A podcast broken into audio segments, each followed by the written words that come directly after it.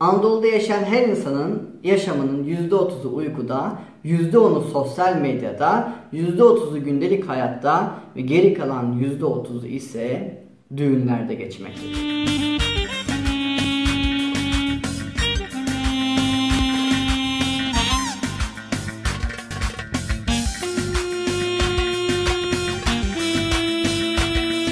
Haliyle hepimiz düğünlerin ne olduğunu biliriz. Hepimiz o düğünlerde bulunmuş, çifte telliyle coşmuş, damat halayla kendimizden geçmiş ve en nihayetinde yorgun argın geceyi marşlarla bitirmişizdir. Hepimiz düğünlerin Magic Mushroom lahmacun tadındaki o fantastik atmosferini içimize çekmişizdir. İçeri girdiğinizde sizi karşılayan envai çeşit ablalar, abiler, bir anda uçan güvercinler, atlı arabayla gelen gelinler, bir anda yukarıdan halatla inen damatlar, gnomlar, elfler, oradan keskin keskin bakan ejderha bakışlı kaynanalar, fısır fısır kuyu kazan yılan dilli gelinler ve orada dedikodu yapan teyzeler, ablalar, yengeler, rakıyla, fantastik danslarıyla hepimizi kendinden geçiren amcalarıyla, ortada oynayan bebeleriyle, envai çeşit pastaları, limonatalarıyla hepimiz düğünlerin ne demek olduğunu biliriz.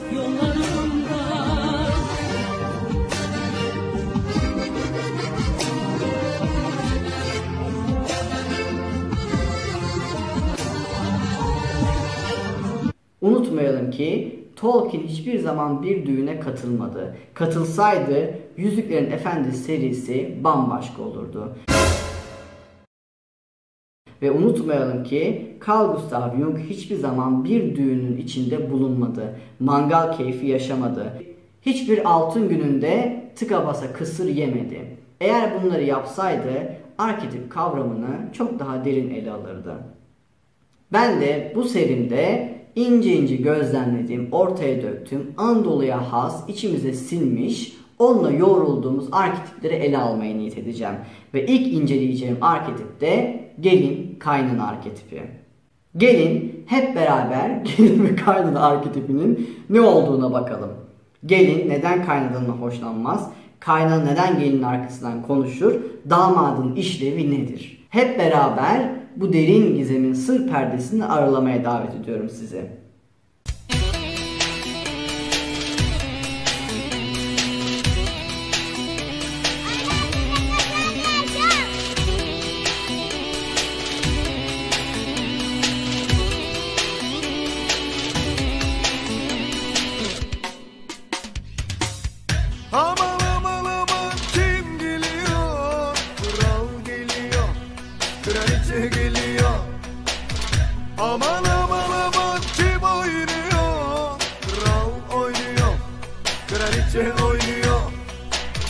Aman aman aman kim geliyor? Kral geliyor, kraliçe geliyor.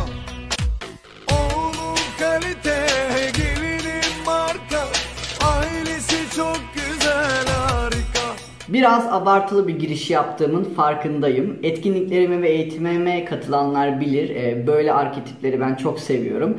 Şimdi böyle bir arketipten bahsedince gelin kaynana gibi veya benim çok sevdiğim mangalcı enişte arketipi gibi e, böyle bizim e, Türkiye'mize özgü e, has arketiplerden bahsedince genelde insanlar gülüyor. E, haklı olarak tabii ki ben de ben de gülüyorum. Biraz komik kaçıyor. Ama arketip kavramının ne olduğunu anlamak açısından bence güzel bir e, örnek oluyor. Aynı zamanda hepimizin de içinde bulunduğu ve e, çok da e, sosyolojik olarak kaçınılmaz olan bir şeyden bahsediyoruz. Arketip dediğimiz şey öyle ötede beride olan bir şey değil Jung'a göre. Aslında arketip hayatın içinde evet mitlerde ve masallarda çok güçlü arketipler var oluyor. Ve orada yoğunlaştırılmış saf ham arketipleri görüyoruz. Ama aynı zamanda arketipler bu dünyanın içinde içgüdü gibi e, var olabiliyorlar. Haliyle kendimizi bir anda bir arketipin içinde bulabiliriz. Örnek verdiğim gibi mangalcı enişte arketipi. Bir anda kendinizi mangalcı enişte gibi bulabilirsiniz. Bir mangalın başında köfteleri cızbız yaparken e, kendinizi o anda o ruh halde hissedebilirsiniz. Veya işte bir anda aşık olduğunuzda bir aşık arketipi veya o aşkın ilk e, yumoş yumoş e, aşk tonlu mesajlaşmaların olduğu, gece işte uyudun mu uyumadın mı gibi mesajların atıldığı, işte seni çok özledim ama ben gibi böyle emojilerin atıldığı o çok romantik, yumoş, ponçik e, durumlar birer arketip gibi. Aynı zamanda kolektif hareketlerde birer arketip oluyor.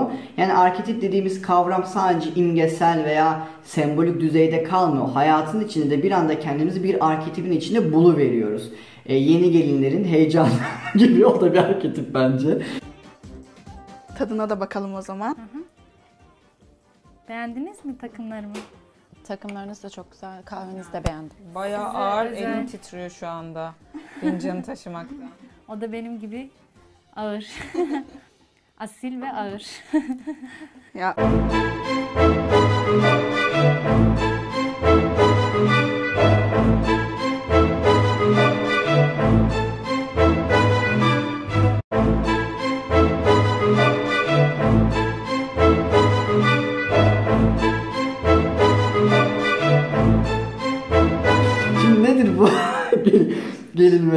kaynana arketipi? Umarım e, bu videoyu çok gülmeden tamamlayabilirim.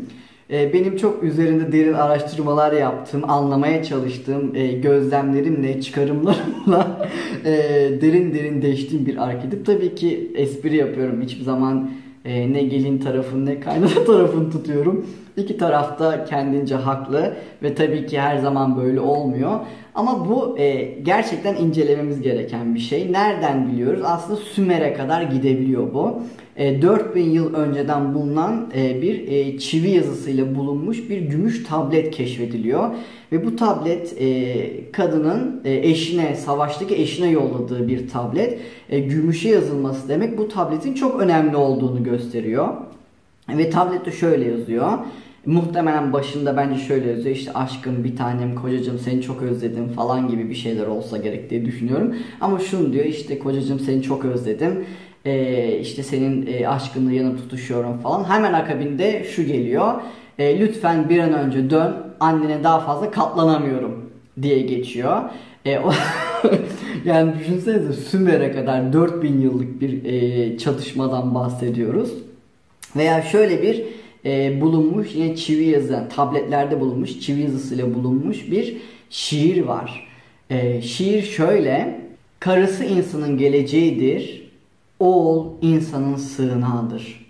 Kız insanın kurtuluşudur. Gelin insanın baş belasıdır. yani böyle bir e, şiir var. E, tabii gelin insanın baş belasıdır yazan kim? Kaynana tabii ki. Veya kaynana kaynar kazana diye biliyorsunuz bizde atasözleri var. Yine bunu gelin söylüyor. Yani 4000 yıllık bir mücadeleden bahsediyoruz. Daha da e, komik hale getireyim bunu. E, mitlerde de var bu. Örneğin Afrodit. Hepimiz Afrodit'i e, güzelliğin, aşkın tanrıçası olarak biliriz ama kaynana olduğumu da çok acayip bir kaynanadır, bir kayınvalidedir. Nereden biliyoruz? Eros'la yani Amor'la e, Pisişe'nin mitinden biliyoruz. Pisişe çok güzel bir e, genç kız. Bu miti bu sırada daha detaylı incelemeyi de isterim bir konuşmada. E, Pisişe e, çok güzel bir kadın, bir genç kadın ve o kadar güzel, o kadar güzel ki mite göre herkes ona aşık oluyor. Yaşadığı şehirde sokağa çıktığında bütün erkekler adeta ona tapıyor. Hiç kimse ona aşkını itiraf edemiyor çünkü o kadar güzel. E, kim bana bakmaz diye düşünüyorlar. Güzelliği o kadar yayılıyor ki bir pisişe kültü oluşmaya başlıyor. İnsanlar pisişeyi tapmaya başlıyorlar ve Afrodit'i unutuyorlar. Tabii ki Afrodit kesinlikle rekabeti sevmez, kıyaslamayı sevmez. Afrodit burada hasetleniyor, hasetleniyor ve oğlunu çağırıyor Eros'u. Diyor ki Pisişe'yi alıyorsun e, ve onu öldürüyorsun diyor. Ondan sonra tabii ki hasetleniyor, hasetleniyor ve diyor ki Pisişe'yi alıyorsun ve dünyanın en çirkin insanıyla evlendiriyorsun diyor. Ve en nihayetinde Eros onu e, kaçırmaya geliyor. Yani uzun bir mit kısaltacağım. E, onu kaçırmaya geliyor ve ona aşık oluyor. Ama Eros'un Pisişe ile aşık olması mümkün değil. Çünkü gerçekten ayrı dünyaların insanı ikisi de. Yani bunu metaforik anlamda söylemiyorum. Biri tanrılara ait, tanrılar diyarında.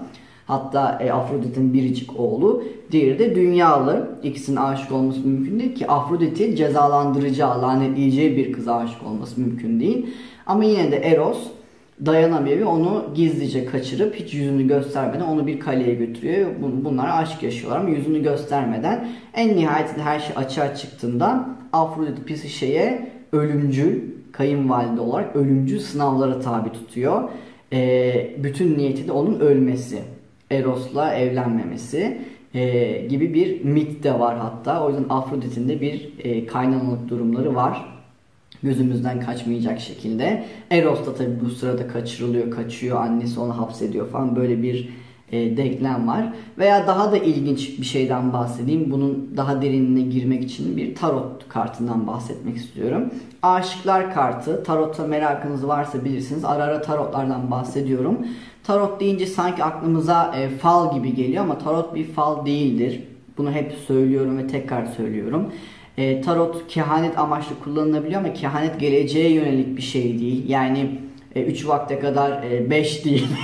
3 vakte kadar şu başıma gelecek araba alacağım falan gibi değil. Yani öyle kullananlar da var. Ama asıl amacı o değil. E, tarot bir ezoterik e, bir inisiyasyon metodudur. Hatta Rider-Waite'in tekrardan o e, betimlediği tarot daha çok bilinir. Orada da Golden Dawn denen yani altın şafak e, cemiyeti denen bir hermetik e, cemiyetin işi vardır. Bu hermetik cemiyette zaten sembollerle beraber daha e, inisiyatik hale getirmiştir tarot kartını. Şimdi bu Rider Waite diye herkesin bildiği tarot destesi simgeseldir ve bir nevi kahramanın yolculuğunu temsil eder. Onu baz alır. E, bu bir teori sadece. Emin e, olunacak bir şey değil ama bir inisiyasyon temsil eder ve içinde sırlar vardır tabii ki. Semboller vardır. Tarot kartlarından aşıklar kartını bilirsiniz. Burada göstereceğim. Umarım gösterebilirim. Gösteremezsem eklerim zaten. Bu Rider Waite'de e, klasik aşıklar kartı. Ne var burada? Çok romantik bir betimleme. E, tamamen e, anadan üreyen e, çıplak e, bir kadın ve bir erkek var.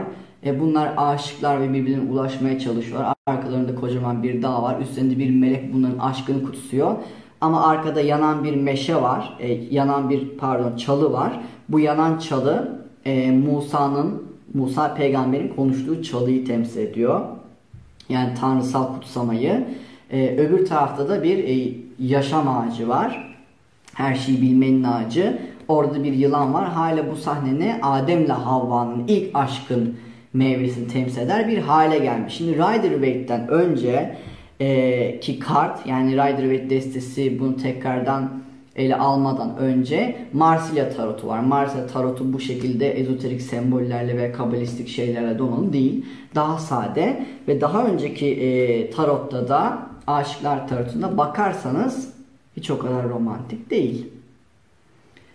Dikkatli incelerseniz burada bir kadın daha var. Tepede e, Eros'u temsil eden aşk okunu atacak biri var.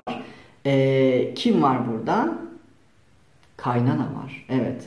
Kaynana ve gelinin arasında sıkışıp kalmış bir damat görüyoruz burada. E, kaynananın yüzünde böyle mutsuz bir ifade var. E, ve damat yani oğlu ona doğru dönmüş. Öbür tarafta Eros e, okunu gelinle damada doğru uzatmış ve gelin de muzdarip gibi gözüküyor. Ne anlatıyor bu tart biz e, bu ne anlatıyor bu kart bize? Gelinle kaynana mücadelesini anlatıyor. Aslında burada gelinle kaynana mücadelesinin bir anlamı yok. Oradaki damadın e, ben böyle damat diyorum ama anlamışsınızdır. Oğlanın olayı var. Şimdi olay şu. Bütün bu metaforlar şunu anlatıyor. E, erkek veya kadınlar e, erginlenmeye girdiklerinde yani ergenlik yaşına geldiğinde ki bu bazen 13 yaşından 16 yaşına 17 yaşına kadar olabiliyor. E, coğrafyaya göre değişiyor. Ergenliğe girdiğinde artık çocukluktan birey olmaya doğru geçiş yapıyorlar. Ne demek bu? Çocukken anne babaya bağlılar. Hatta bağımlılar. Öyle değil mi? Anne baba beslediği kadar yaşayabilir. Anne baba desteklediği kadar var olabilir. Haliyle birçok kabilede e, çocuğun bireysel bir kimliği yok. Hatta bazı kabilelerde adı bile yok. isimsiz. Ve 13 yaşıyla 17 yaş arasındaki o değişen süreçte coğrafyaya göre ergenliğe girdiğinde bir erginlenme ritüeli yapılıyor. Bu erginlenme ritüelinde de e, o genç e, çocuklar alınıyor artık ergenler diyeyim. O gençler ergenler alınıyor ve yoğun bir sınava tabi tutuluyor. Bir inisiyasyondan geçiyorlar. Bu inisiyasyon sonunda metaforik olarak anne babayı öldürüyorlar. Ee, neden? Çünkü çocuk olarak anne babaya bağımlı, ondan kurtulması gerekiyor ki özgürleşsin. Ee, kendini keşfetsin, bir birey olsun. Haliyle bütün bu inisiyasyon sınavlarında zorlu şeyler oluyor. Korkularla yüzleştiriliyor, işte bir hayvan avlamak zorunda kalıyor veya bazı kadın inisiyasyonlarında dişi gizemler inisiye olması için kapalı bir kulübede karanlıkta uzun süre kalıyor falan gibi bir dizi şeylerden geçiyor. Kabilenin kutsal mitleri öğretiliyor, kutsal sırları öğretiliyor, erkeklik ve dişilik sırları öğretiliyor ve en nihayet eril veya dişil tarafları eğer bir erkekse kendi dişi tarafıyla bir kadınsa da kendi eril tarafıyla buluşup onunla barışıyor ve erginlenme ritüelinden çıktığında artık birer birey oluyorlar. Yani anne babadan bağımsız kabileye ait bir birey oluyorlar. Bir isim ritüeli oluyor muhakkak. Artık kendi isimleri oluyor. Eğer isimleri yoksa yeni isim veriliyor ve isimleri varsa artık yeniden isim elde ediyorlar. İsim de zaten e, o kabilede edindikleri konuma göre elde ediliyor. O sınavlar veya yaşayacakları ritüellere göre elde ediliyor. Haliyle artık ne oluyor? Erkek için konuşuyorum. Erkek erginlenmesi için. Erkek erginlendikten sonra bir eş buluyor, evleniyor ve kabileye katkıda bulunuyor. Şimdi bu erginlenme ritüeli niye önemli? Anne babadan eğer kopamazsak birey olamıyoruz. Eğer birey olamazsak da kendimiz olamıyoruz. Anne babanın oyun kuralları içinde oynamak zorunda kalıyoruz. Bu da anne babayla çatışmaya doğru gitmeye başlıyor. O yüzden erginlenme çok önemli bir ritüel. Carl Gustav Jung erginlenme ritüelinin önemi hakkında çok e, şeyler yazmıştır. Çok üzerinde durmuştur. Genelde işte bu ergenliğe giren gençler anne babanın onaylamadığı işler yaparlar. Yani ne yaparlar? İşte anne baba onaylamıyorsa sigara içerler. İşte ne bileyim yurt dışına çetelere girerler. E, veya işte onların sözünü dinlemezler ve onlarla kavga ederler. Bütün bu çabanın Jung aslında o gençlerin erginlenme ritüeli olduğunu söylüyor. Erginlenmeye çalışıyorlar, birey olmaya çalışıyorlar. Şimdi burada önemli olan şey şu. Eğer erkek, yani bu alacağımız arketipin içinde şunu ele alacağız. Eğer erkek e, anne babadan erginlenemezse, anne babadan özgürleşemezse e, ki şunu da bir dipnot açayım. Bu yüzden birçok masal veya mitin başlangıcında anne baba ölür e, ve yetim kalarak masal başlar veya mit başlar. Çünkü onun ölmesi demek metaforik olarak birey olmanın yolculuğu demek. Şimdi burada eğer erkek anne babadan erginleşemezse, özellikle anneden erginleşemezse Jung'un deyimiyle içindeki dişi yani içindeki animayı bulamayacaktır. İçindeki dişi, içindeki animayı bulamadığı için tam bir aşk yaşayamayacaktır. Aşk yaşayamayacağı için annesine benzer bir kadını bulacaktır. Eğer kadın da bu süreci yaşayamazsa babasına benzer bir erkek e, bulacaktır. Burada bir problem var mı? E, aslında var. En azından Jung'a göre var. Problem şu. E, anne babadan e, erginleşemeyen kişi anne babaya benzer eş bulacağı için hayatı boyunca o ilişki e, o şekilde yürüyecek ve bağımsız bir ilişki olamayacaktır. Anne babaya yaşanmış sorunlar ilişkide de devam edecektir. Bu da tehlike. Ne oluyor? En nihayetinde evlilik öyle bir noktaya geliyor ki mesela kadın şöyle söylüyor. İşte benim iki tane e, çocuğum var. Bir bu çocuğum bir de eşim. Şimdi o senin çocuğun mu, eşin mi? Veya şöyle oluyor. İşte benim e, o benim karım değil adeta e, benim annem gibidir. Bana bakar gibi oluyor. Ve o benim benim için baba oldu. Eş olmaktan ziyade baba oldu gibi şeyler duymaya başlıyor. Şimdi burada bir problem var. Artık orada aşk olmuyor. Orada evlilik olmuyor. Orada eşit bir şekilde eril dişil karı koca ilişkisi olmuyor. Anne çocuk, baba çocuk ilişkisi oluyor ve bu da ilişkinin çatırdaması demek. Bu da ilişkinin bozulmaya başlaması demek uzun vadede. Çünkü herkesin birey olarak kendi içindeki özgün erili veya dişili bulup ona göre bir ilişki yaşaması gerekiyor ve bütün bu e, ilişkilerdeki problemler veya işte yanlış ta, e, parantez içinde yanlış diye tabir edilen aşklardaki sorunlar Jung'a göre içteki eril veya dişinin anemi ve animusla ilgili problemlerden kaynaklanıyor. Şimdi bu noktada bütün bu kavram şunu söylüyor. Aslında burada erkek içindeki özgün dişiyi bulamayıp anneden kopamadığı için bir tarafı annede e, ve bir tarafı da gelinde. Şimdi evlendiği kadında muhtemelen annesinde gördüğü arketipin birebir aynı. Ve öyle bir noktaya geliyor ki evlilik e, eğer e, anne ve e, şey arasında anne ve yani oğlanın annesi ve gelin arasında bir uzlaşma yoksa ikisi arasında kalmaya başlıyor. Annenin lafından çıkamıyor erkek. Yani annenin her dediği evrensel bir yasa gibi oluyor onun için. E, gelinin de dediğinden çıkamıyor. Ve ikisi arasında çatışma olmaya başlıyor. Ne oluyor? Anneye çok bağımlı oluyor. Gelin anneden almaya çalıştığında anneden kopamıyor çünkü vicdan azabı hissediyor. Geline gidemiyor falan. Yani bütün bu gelin kaynana çatışmasının temeli aslında bir erkeğin erginlenememesi, bir erkeğin kendini keşfedememesi, bir erkeğin içindeki dişiyle barışamaması anlamına geliyor. Şimdi bütün bu kartlar bize bunu anlatıyor. Hem tarot kartı hem de e, Afrodit ve Psişe'nin miti de bunu anlatıyor. Sümer'deki 4000 yıldır bu çatışmanın olması da bunun bir unsuru. Burada ne var? E, şunu anlatıyor bu kart. E, çok güzel bir kart. E, erkeğin yüzü anneye dönük. Yani anneden kopamıyor. Anneden ayrılamıyor. Niye? Erginlenmede bir problem olmuş. Gelin ona ona kendini uzatıyor. Yani onu kendine çekmeye çalışıyor. Yüzünde hüzünlü bir ifade var ve kaynana da memnuniyetsiz. E, burada önemli olan şey ne? Yani burada bir çatışma var. Eros'a bakıyoruz. Şimdi Eros'un üstünde güneş formu var.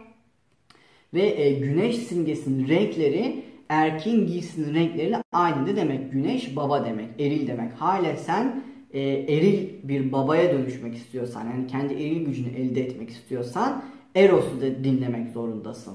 Yani ruhunun içindeki o aşkı, o hakikati dinlemek zorundasın. Eros'un oku kime gösteriyorsa hakikat oradadır. Kimi gösteriyor?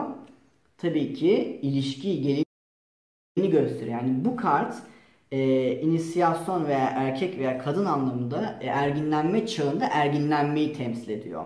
Ve erginlenme sırasında anne babadan kop yani yüzünü anne babadan çevir içindeki eril veya dişili bul.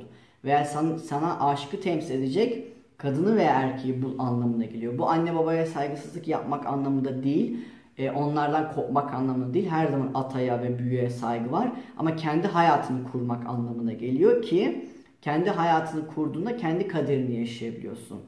Eğer anne babadan kopamazsan anne babanın kaderini yaşamaya başlıyorsun ve onların sana biçtiği rolleri yaşamaya başlıyorsun. E, onların sana biçtiği rol e, senin kendi rolün olmayabilir. Kendi ruhunla uyumlu olmayabilir. Bu da bir çatışma demek. Haliyle burada olay ne gelinde ne kaynanında aslında erkeğin kendi içinde e, dişili bulup ikisi arasında dengeyi tutturmakla yükümlü e, bu çatışmanın sonlanabilmesi için anneye değer verip olması gereken yere koymak ve kendi eşinde olması gereken yere koymak ve ikisi arasının yani ikisinin e, erkek üzerinde bir çatışma yapmasını engellemesi gerekiyor. Bütün bunlarda aslında içsel bir 4000 yıllık bu e, sır perdesinin çözümü bu. Erkeğin e, doğru bir şekilde erginlenmesi, çocukta kalmaması. Çünkü çocukta kalırsa Belki ilk dönemler aşkın ilk zamanları anlaşılmıyor ama yaş ilerledikçe yavaş yavaş erkek çocuklaşmaya başlıyor. Ve kadın da daha fazla sorumluluk almaya başlıyor ve anneye dönmeye başlıyor. Bu da ilişkinin e, yıkılmakta olduğu süreç oluyor. Şimdi bütün bunlara baktığımızda aslında bu gelin kaynana arketipi olarak dediğim şey 4000 yıllık Sümer'den bu zamana kadar gelen ve dünyanın her yerinde görülen bu mücadelede aslında olay erkin içsel erginlenmesi. Sanıyorum ki gelin kaynana arketipinin ana temelinin damat olduğunu anlamışızdır. Jung e, tabii ki bu konuyla ilgili üzerinde durmuyor ama e, bu hem kartlarda hem mitlerde bize bu e, örüntü çıkıyor. Eros'la Psişe'nin de olayında bu var aslında. Eros'un Afrodit'ten, annesinden erginlenmesinin bir hikayesidir. Psişe ile evlenmesi ki Psişe zaten ruh demek. Hala her erkeğin kendi ruhundaki, ruhun temsil eden o dişi tarafını, sezgilerini bulması anlamına geliyor. Dilerim ki hepimiz güzel güzel erginleniriz. Kendi içimizdeki o bireyi, kendi içimizdeki o eril ve dişili keşfederiz. Bununla ilgili muhtemelen şu sorular gelecektir. Ben bunu nasıl becerebilirim? Ben bunu nasıl yapabilirim? Veya oğlum için veya kızım için ergenlikte olan bu çocuklar için ne yapabilirim? Bunu da ayrı bir video olarak çekmek istiyorum. Çünkü erginlenme aslında çok uzun bir konu. Burada uzun uzun anlatabileceğim bir şey değil. Ama gelin ve kaynan çatışmasının boş olmadığını, e, komik ama aslında derin bir altyapısı olduğunu, o da erginlenmedeki problem olduğuna bu videoda değinmek istedim. E, aklıma geldikçe başka e, Türkiye'mizin güzel coğrafyasındaki derin arketiplere değinirim. E, belki ileride düğünlerdeki mitik figürleri inceleyebilirim. Ee, mesela Centur'lar gibi atla giren gelinleri incele inceleyebilirim.